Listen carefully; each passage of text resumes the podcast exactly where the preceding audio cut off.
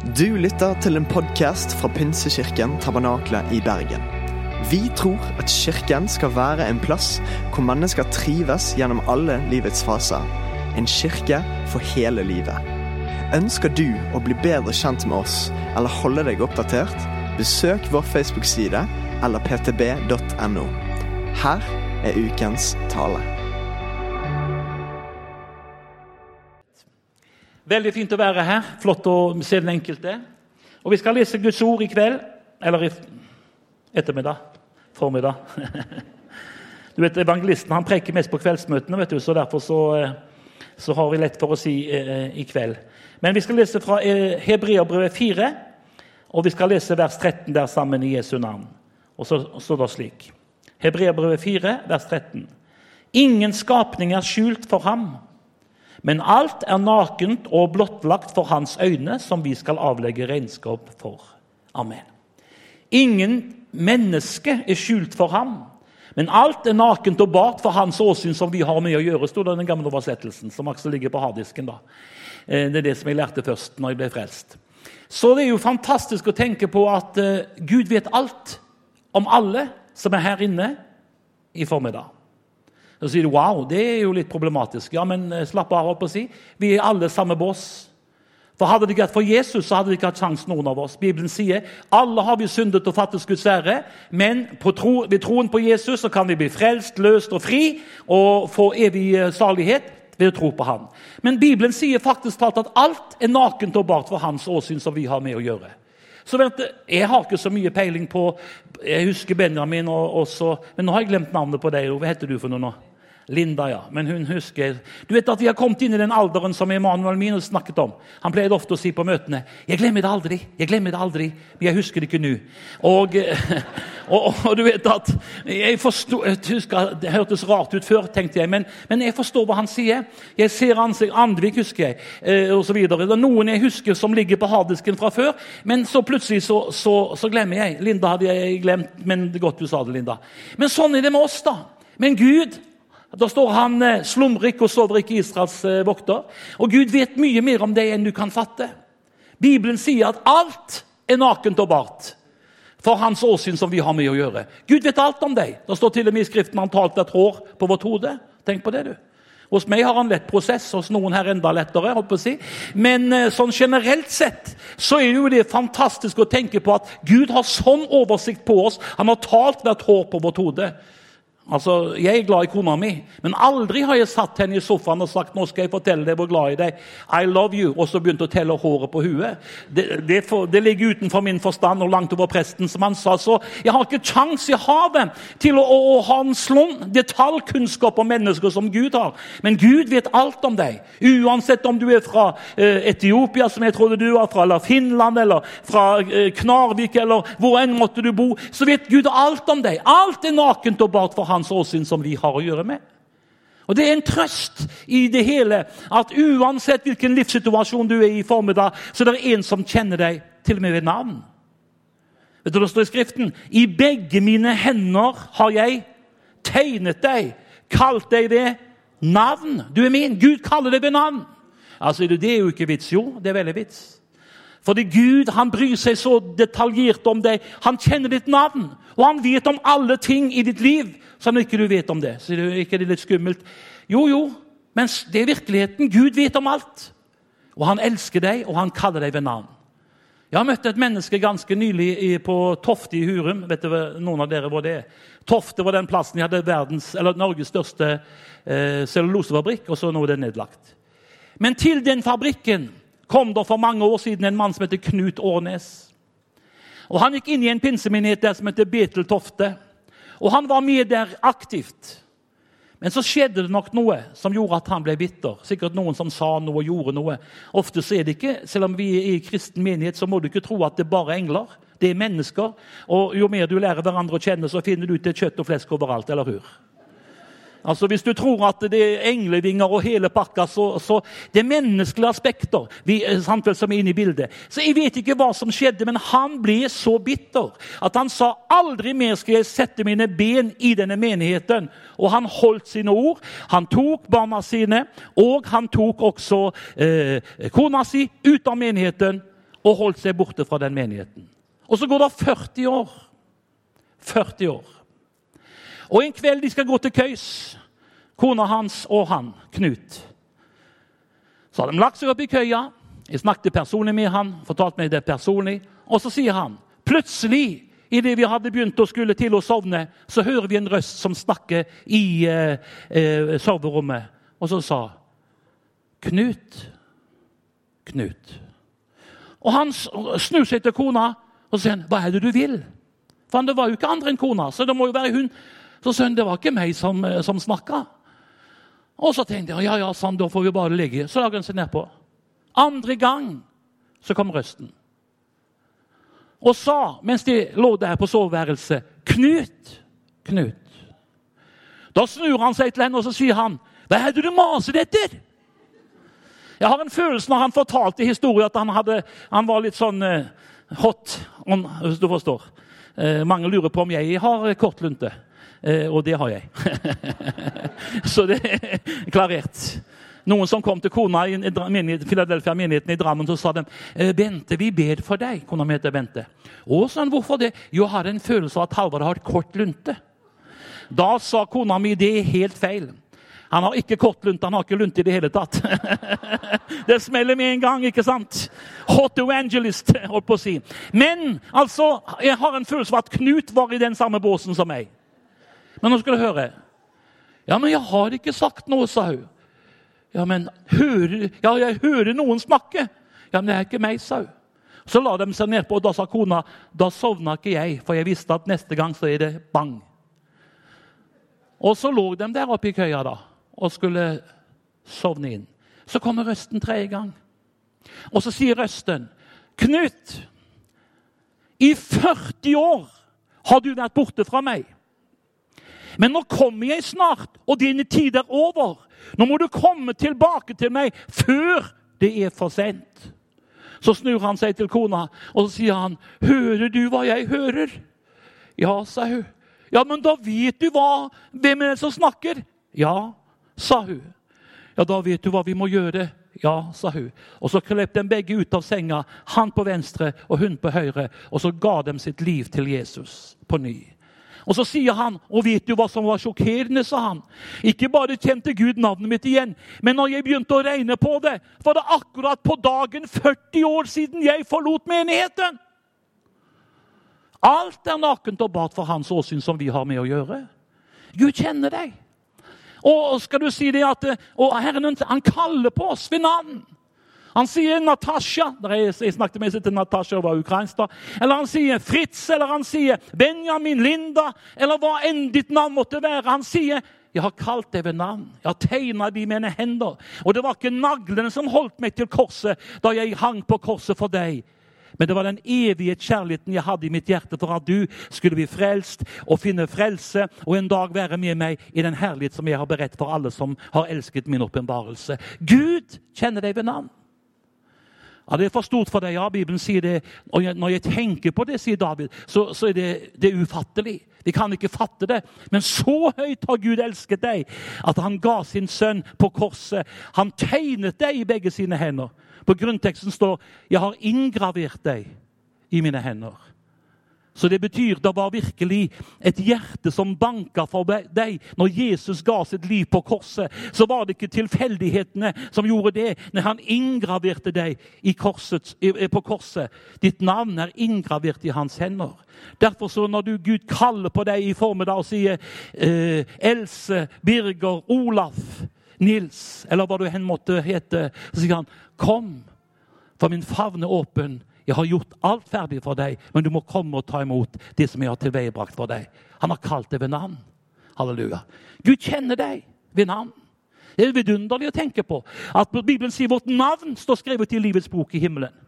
Ikke bare sånn at han Hasseløy og han der runde, sunne broderen fra uh, Haugesund skråstrek Drammen Gud snakker ikke på den måten. Han sier Benjamin, Knut Olaf, han kjenner deg ved navn. Else, han vet om deg. Han kjenner din situasjon. Og du sier men Gud har glemt meg. Han har ikke glemt deg. Han vil bare fortelle deg i form det også. Du er ikke glemt hos meg. I begge mine hender har jeg inngravert deg, kalt deg ved navn. Kom til meg, skal du få kjenne at jeg vil berøre deg med min salvelse og min nåde. Gud vet om ditt navn. Det andre som Gud vet, han vet hvor du bor. Halleluja. Vet du hvorfor han vet hvor du bor? Jo, for han bor ved troen i vårt hjerte hvis du er frelst. Gud har ikke hybel hos oss, han har tatt permanent bolig. Jeg og Faderen vil komme til dere for å være hos dere vinderlig alltid. Gud vet om hvor du bor. Jeg har ikke peiling på hvor du bor. Jeg kjenner ikke navnet ditt engang. Ikke vet jeg hvor du bor heller. Men Gud vet hvor du bor. Gud kjenner adressa di. Uansett hvor den måtte være. Jeg kan bevise det med Skriften for deg. At Gud kjenner adressa di. I prøvelser, i vanskeligheter, skal du vite det er en som, som vet hvor du bor. Har du lest om Saulus fra Tarsus? Han som ble senere Paulus, ikke sant? Det står om han, han var på vei til Damaskus for å henrette så mange kristne som mulig. Men midt på dagen kom det et veldig lys som slo han av hesten, og han falt på bakken. Og så sa han, 'Hvem er du?' Jo, så sa Jesus til han, 'Jeg er Jesus fra Nasaret, han som du forfølger.' Og Bibelen sier han ble blind, eh, og han ble ført til blind til Damaskus og ble plassert i et hus der bare for å bli kvitt den, tror folk kanskje. Men neste morgen er det en kar som heter Ananias, en disippel.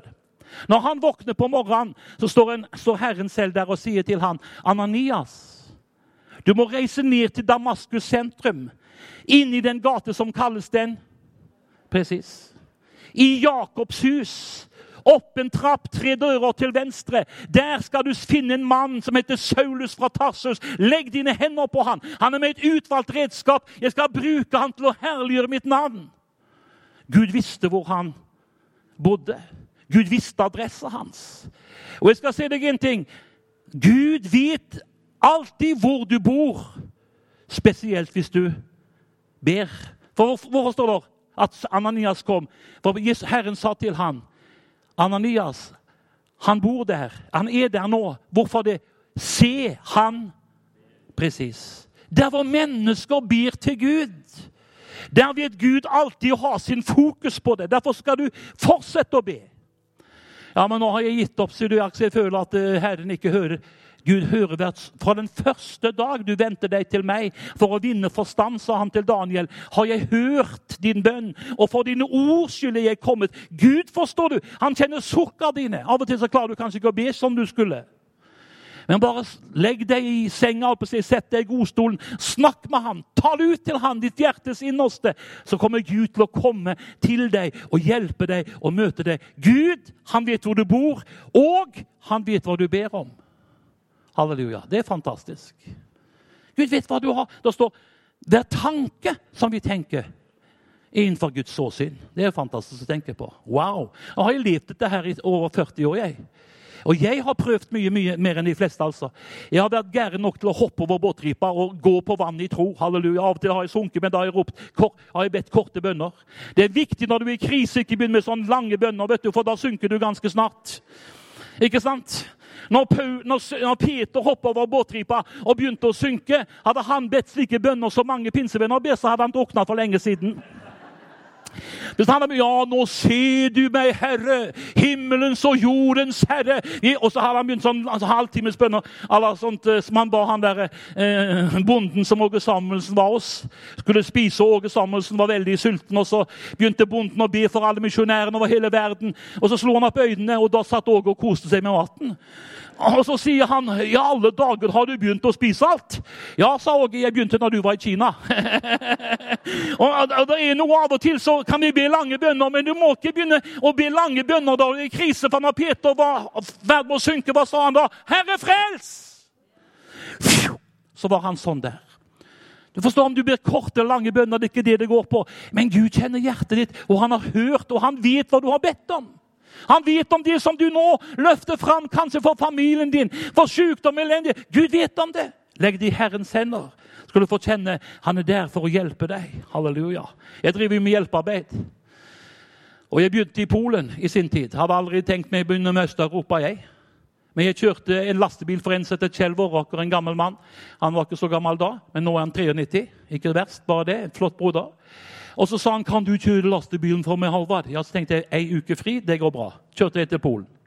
Når jeg kjørte over sletten i Poznan i en liten uh, klasse 1-bil, da hørte jeg Den hellige ånd si til meg Da kom en tid, og husk, Da var det kommunisme og stengt overalt. Og Da sa Herren til meg da kom en tid av åpenhet i Øst-Europa. Og da må du være klar, for da trenger jeg mer enn mennesker som vil ha bønnesvar. Jeg trenger mennesker som kan være et svar på andre menneskers bønn. Og derfor når det kom virkelig, begynte å åpne seg, så sa jeg opp alt og begynte i tro. Hadde ikke fem øre, men halleluja, Herren han overlater oss ikke i elendighet. Han er den som er trofast. Og så skal jeg fortelle deg da om, eh, Først det var en sånn liten lastebil, så fikk vi låne en stor lastebil fra Volvo Norge. Og jeg tok lappen på ei uke. Ikke vet jeg hvordan det gikk, men det gikk. jeg preika nok hull i huet på han der eh, som var sensor. Så jeg preikte om Øst-Europa, at du brant, og halleluja, og vitna om hvordan jeg ble frelst. Og han var helt forvirra. Så ja, du må, du må, ha lappen, du, sånn. Så bare ga han meg stempel med en gang. Så jeg tror at jeg blåste han helt. Han var helt Jeg håper å si transe. Jeg hadde kjørt han så kraftig. Men det er en annen sak. Og så, det her var nærmere jul, og så, og så, skulle vi kjøre til Polen igjen. Og så sier jeg til Kjell hva, hva skal vi, hvor skal vi kjøre, Kjell? Vi kan jo ikke kjøre bare på de samme plassene. Nei, sånn det stand Vi får be til Gud. Ja, det, det gjør vi. Gå hjem og be, skal jeg komme hjem og be. Så kommer jeg neste dag og sier, hva sa Herren til deg? Nei, du må si det først, sant? Nei, så skrevet seg. De gikk ut, de eldste først. Så Derfor så begynner vi med de eldste. Så vi tar deg først. Skal, hva fikk du i ditt hjerte? Da sier han Lublin Wow, sier det har jeg også fått. Tenk på det. Gud talte om det samme. Du forstår at det å be det er ikke bare å mase på Gud, men det å sette seg ned og lytte hva Herren har å si. At vi kan høre hva Ånden har å si. Fordi Gud forstår du har full kunnskap om det meste. Derfor må vi tune oss inn på den himmelske kanalen, så vi kan høre hva Herren har å si til oss. Og Det er det som ofte er problemet med mange kristne. De har ikke tid til å vente på Herren. Men den som venter på Herren, får høre at Gud taler. Lublin, sa jeg.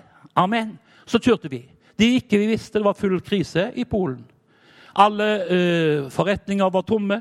Uh, ikke var det mat uh, for folk på den tida. Det var opprørsregime, og de stengte av alt. Telefonen virka ikke. I den menigheten i Lublin som Gud sa at vi skulle reise, skal du høre en sterk historie, så hadde de ingenting. Så kom de til pastoren og sa til, til han, Pastor Edvard Rudkowski heter han. Hjelp oss! Vi har ingenting. Jula nærmer seg. Da sier han vi har, jeg har heller ikke noen ting. Men vi får be til Gud. Så da hadde den bønn og faste på neste onsdag. da. Så det her var søndagen. På onsdagen hadde den bønn og faste. Fra sju om morgenen til tolv om kvelden. Og midt i kveldsmøtet så reiser søs, kona hans opp til Anna Rudkovskaja.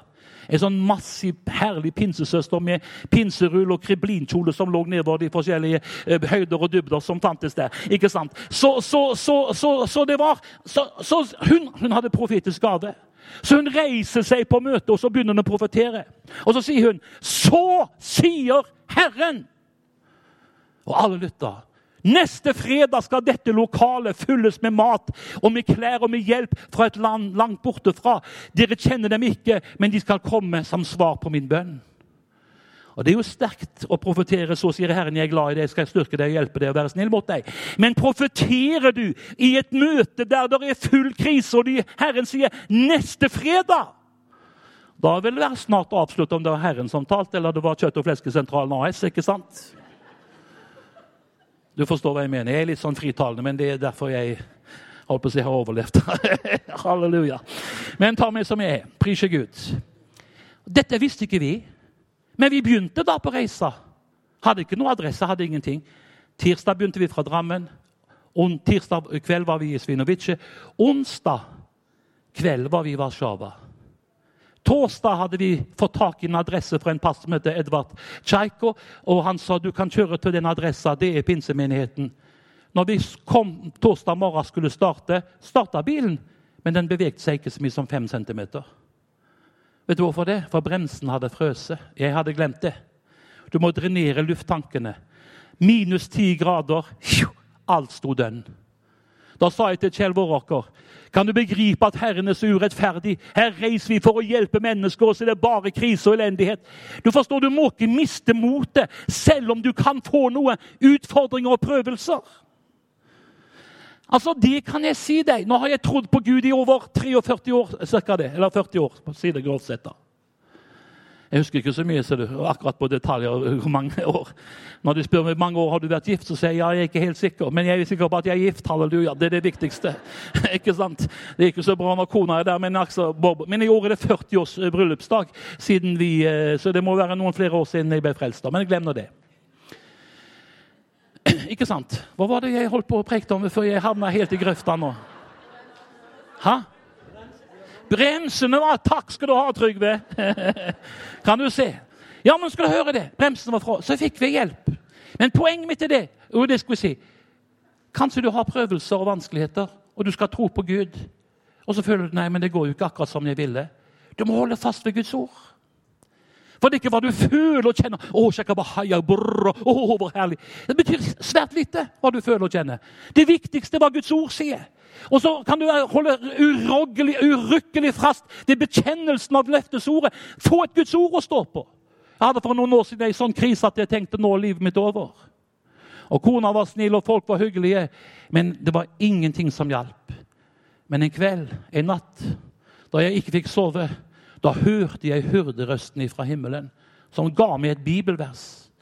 Og det greip jeg tak i i tro. Og jeg holdt fast ved det, og jeg bekjente det. Og jeg kan fortelle deg, det var ikke slutt med prøvelser og vanskeligheter. Men ordet holdt meg på sporet, og ordet førte meg igjennom. Det er Guds ord som står fast, som vi må holde fast ved. Det er det som er det viktigste i våre liv. Så vi kom da videre på fredagen. Hvorfor ble det krise i, i Warszawa? Jo, for Gud hadde ikke sagt neste torsdag. Han har sagt neste fredag. God knows everything. Neste fredag kom vi fram. Jeg hadde fått en sånn lapp eh, med adresse, men jeg kunne jo ikke polsk. Så jeg spurte en, eh, en sjåfør. Han sa og du vet at Jeg er en sånn type at det har også vært en hemmelighet i livet mitt. Du må ikke sitte og vente på at alt skal dette i huet på deg. Hvis du har vært misjonær, så vet du hva jeg snakker om. Du må, du, må, du må, være litt kreativ. Finne løsninger når du ikke ser den. Be til Gud, vis meg en vei, og så går der. Første gang jeg var i Polen, vet du, så kom jeg til frokost på en eh, hotell der velling. det fløyt med fett. Jeg kjente bare lukta gjorde at jeg hadde lyst til å faste med en gang. ikke sant? Så, så, så, sånn no, no, no. Don't you have egg and bacon? Så sa hun Nero. Det betyr jeg forstår ikke. Egen bacon, sa jeg. Hun ble hun redd, for hun trodde jeg var aggressiv. og det kan jo være at jeg var. og så sier jeg Don't you have egen bacon? Hun, Nero som hjem. Hun forsto ikke. Da reiste jeg meg rett opp.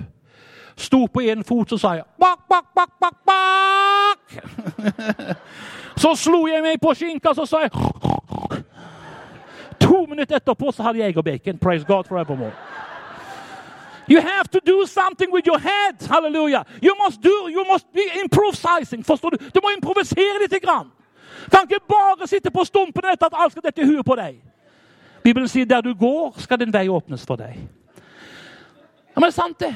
Mange å, vi må be til Gud. Å, ja, det er bra å be, men du må handle også. Du må ta skritt over båtripa. Og når du går, skal din vei åpnes. Så vi kom der, da. Og så var faktisk tak en taxisjåfør som sier 'Church'. Han forsto ikke det. Så sier Hvis det er en sånn katolsk kirke med et kors, så sier 'Church'. Ah, ja. Halleluja, halleluja, halleluja. ah, yes, yes, no problem. Alle visste hvor pinsemenigheten var, og så var vi der klokka tolv. Jeg skal si deg en ting. Så kjørte vi inn var tjukt med folk. Ingen visste vi kom, trodde vi. Så fikk jeg tak i ei dame som kunne engelsk, og sa Why are you here? You didn't know we were coming. Så sier hun Mamma prophesied last week. Mamma profeterte forrige uke og sa at i dag skulle hjelpa komme. Derfor har vi vært her siden klokka åtte på morgenen. Og når vi så traileren, så ropte vi 'Der er Guds bønnesvar til oss'. Gud vet hva du ber om. Løft dine øyne og speid. Se! Det finnes skarer av mennesker som ber til Gud. Men kanskje du skal gå ett skritt videre og bli et svar på disse menneskers bønn. Forstår du hva jeg sier? Gud hører skarenes bønn. Men han trenger mer enn bare folk som vil ha bønnesvar. Som han sa til meg, jeg trenger mennesker som vil være bønnesvar. Kona mi er en sånn type. Verdens beste. Opplevelse en kveld, natt. To om natta blinka på SMS-telefonen eller uh, hva heter det for noe? Smartphone. Så sier jeg du holder ikke på på Facebook nå, sier jeg til henne. Nei, nei, nei. Ja, hva gjør du nå? Jeg sender en SMS til ei dame som jeg kjenner jeg skal sende en SMS til. Det ikke hun visste, og ikke vi visste. Da sitter ei dame i Drammen by, så deprimert, full av angst. Hun tenker jeg orker ikke å leve videre. Jeg må få en hilsen. Hvordan skal jeg få det klokka to på natta? Gud kan jo ikke høre nå. Samtidig hun sitter i godstolen og ber full av angst og, engst, og engstelse, så blir kona mi vekka klokka to på natta. Send det bibelordet til den dama. Hun tar fram SMS-en, sender det bibelordet. Og idet hun sier du kan vel ikke være, være, tilgjengelig nå klokka to på natta, Jesus, men jeg trenger virkelig en hilsen. Bip, bip, bip, sa det på SMS-en. Og Så tar hun opp og så sier hun, om Jesus hadde stått ved godstolen og snakket fysisk til meg, hadde ikke vært sterkere enn den hilsenen som jeg fikk fra kona di. Og I det samme så kjente hun at angsten forlot henne, og hun fikk tro på å leve videre. Hør, min venn, det er en Gud i himmelen som ikke bare hører bønn, men som vil bruke oss. Saulus fra Tarsus, Ananias som bønnesvar. Det er det vi er kalt til, dere. Ikke bare kretse omkring oss sjøl, men legge hender på mennesker. Være med å bringe trøst der hvor trøst trengs. Være med å formidle velsignelse fra himmelen. Halleluja. Han vet hvor du bor, og han vet også de bønner som du ber. Siste jeg skal si 3 minutter og 15. Da skal jeg snart være ferdig. For å si som han sa, han predikanten på Ryfylke. Jeg har preika lenge i dag, sant, for jeg har glemt klokka hjemme. Om det var bevisst, vet ikke jeg, men da er det gammel dame nede i salen som roper Der henger kalender bak deg, broder. Ja, da, da er møtene lange. altså bak, så Det er ikke klokkemøter, men det er kalendermøter. Don't you worry, my friend, I will soon finish. Praise God forevermore. Men du forstår, det er en som både vet hva du heter, vet hvor du bor, kjenner ditt hjertes innerste. Og så sier Bibelen også han vet hvor du er på vei. Hva mener du med det? Jo, vi er alle på vei mot evigheten. Og hvor er du på vei? Det er et viktig, viktigste spørsmål i livet. Hvor er du på vei? Jeg bor hos Olaf eh, Andersen nå på Askøy. Vi regner jo med å leve så lenge som mulig, og det takker vi Gud for. Men han mista kona si sånn. I løpet av eh, noen timer så var hun borte. Så fort kan livet være over. Og Derfor er det viktig å ha den vidunderlige trøsten i sitt indre menneske. At ikke bare vet jeg at Gud ser meg og kjenner meg mens jeg vandrer her nede, men jeg vet hvor jeg skal hen. Ikke sant? Og det kan du vite. Har du tatt imot Jesus, så er du på vei til himmelen. Ja, men jeg er jo ikke så fullkommen. Det går ikke på det i det hele tatt. Hadde det vært for at vår prestasjon, så hadde ingen nådd fram. Men du forstår det er Jesus som ga sitt liv på korset. Som garanti, garantisten for at har du tatt imot hans frelse, så har du retten til staden i himmelen. Halleluja. Priset være Herrens vidunderlige navn. Vet du hvor du er på vei? Du må ta imot Jesus. Så får du vissheten i ditt indre menneske om hvor du er på vei. Jeg har, venn, jeg har, mange venner. Jeg snakker med folk overalt. Det er derfor som jeg får vite så mye. For jeg spør og graver. Nysgjerrig var også Sakkeus, og han ble frelst ved det. Pris Gud. Ikke så dumt å være litt frampå og spørre. Og så har jeg en som heter Karl Bakke. Han er dosent, bor i Arendal. Flott mann. Superskarp i huet. Sånn high fly. Langt over min nivå. Ikke sant? Men så får han plutselig MS. Ikke sant? Og det er jo ikke noe koselig sykdom å få. Men han mista ikke troen. Han holdt fast ved det bekjente. Og han sa men det var tøft, sa han. Og så en, uh, Rett etterpå da, så var han i, i ei kirke som heter uh, Fevik kirke, og skulle høre en som skulle synge, som sang fine sanger. Og mens han sitter der på, på benken og bare venter på å høre denne sangeren skal synge Han sang en, om Jerusalem. En natt jeg lå og drømte en drøm så sann og god, ikke sant? I staden skjønn, Jerusalem ved, ved på, Ja, du kjenner den sangen der hvis du har litt peiling, da. Eh, hvis du er gammel nok, holdt på å si. Dere unge har ikke hørt den, men du forstår, noen av dere har hørt den. Mens han hører han synge, sier Carl. Det her er ikke noe overspent mann. Det er en helt jordnær, toppintelligent gubbe. Fra, han jobber på universitetet der, eller på høyskolen i, i Agder. Så sa han plutselig var jeg bortrykket i ånden. Og jeg sto ved porten. Og jeg hørte sangen på en helt annen dimensjon. Og så sier han Og de første som kom bort til meg, det var mamma og pappa. Altså hans mor og far som har vært kristne. Og tanta til kona mi. Og så sier, det, sier han til dem, Karl Bakke sier det virket som om de visste om min situasjon på en eller annen måte. sa han. For de sa det til meg. 'Carl, du har det vanskelig nå. Du har utfordringer nå, men du må ikke miste motet.' For snart er også ditt livsløp over. Og da skal du til denne staden der vi er. Og om du visste hvor herlig det er her, og om du visste hvilken lykke og glede som fins her, så ville du forstått hvor viktig det er å fullføre løpet. Og sa han, og jeg så inn i staden, sa han. Og jeg hørte sang så skjønn som ikke mennesketunge kan synge. Og han tenkte wow. Og så sier han, og så plutselig så var jeg tilbake på benken i kirka i Fevik. Og så sier han, men livet blir aldri mer det samme. Livet blir aldri mer det samme. Fordi jeg har sett hva som er endemålet for oss som tror på Herren Jesus Kristus. Derfor er det så viktig å vite hvor du skal hen, hvor du er på vei. Og vet du det, så kan du fryde deg med en usigelig herliggjort glede. For det er det ikke engelskmennene som sier 'the best is yet to come'? Jeg så noen reagerte på det. Vi kan ikke si det når vi bor i Norge. Det kan si når vi bor i Norge, men de som har det vanskelig. Men uansett er du frelst, er det best gjett du kom. Altså, Jeg er jo 62 år. Jeg vet at det er sjokkerende for dere å høre, for jeg ser jo ikke en dag eldre ut enn 42. Halleluja! Med bølger i håret og vann i knærne. ikke sant? Så jeg er jo virkelig fresh og sprek. Men, men allikevel. Den dagen kan være nærmere enn du forstår. Ikke sant?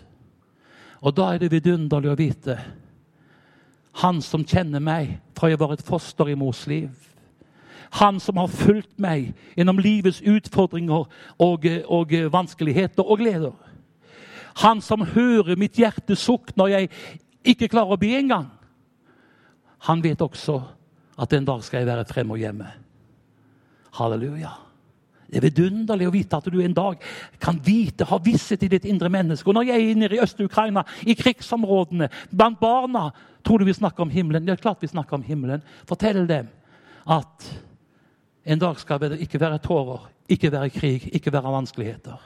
En dag er vi fremme der Gud er skaper og byggmester. Og da skal alt tårene tørkes fra våre øyne. Da skal det være fred i det land hvor Herren rår. Ikke sant? Fantastisk. Og jeg er så glad for at, at, at jeg har denne jeg kjenner at jeg er løst ifra Selv om det er deilig å bo i Norge, misforstå meg, jeg har godt og har det godt. Men jeg kjenner jeg, jeg, er reiseklar. Det er det jeg er. Ja, prise Gud. Ikke sånn som han oppe på Hedmarken når jeg sa 'Kommer Jesus snart?' seg. Jeg får ikke håpe han kommer nå snart. sånn. Hvorfor ikke det? Vi har akkurat pussa opp huset. Så how stupid can you be? Altså, Da forstår du ingenting. For det viktigste spørsmålet i livet Hvor skal du hen den dagen du skal herifra?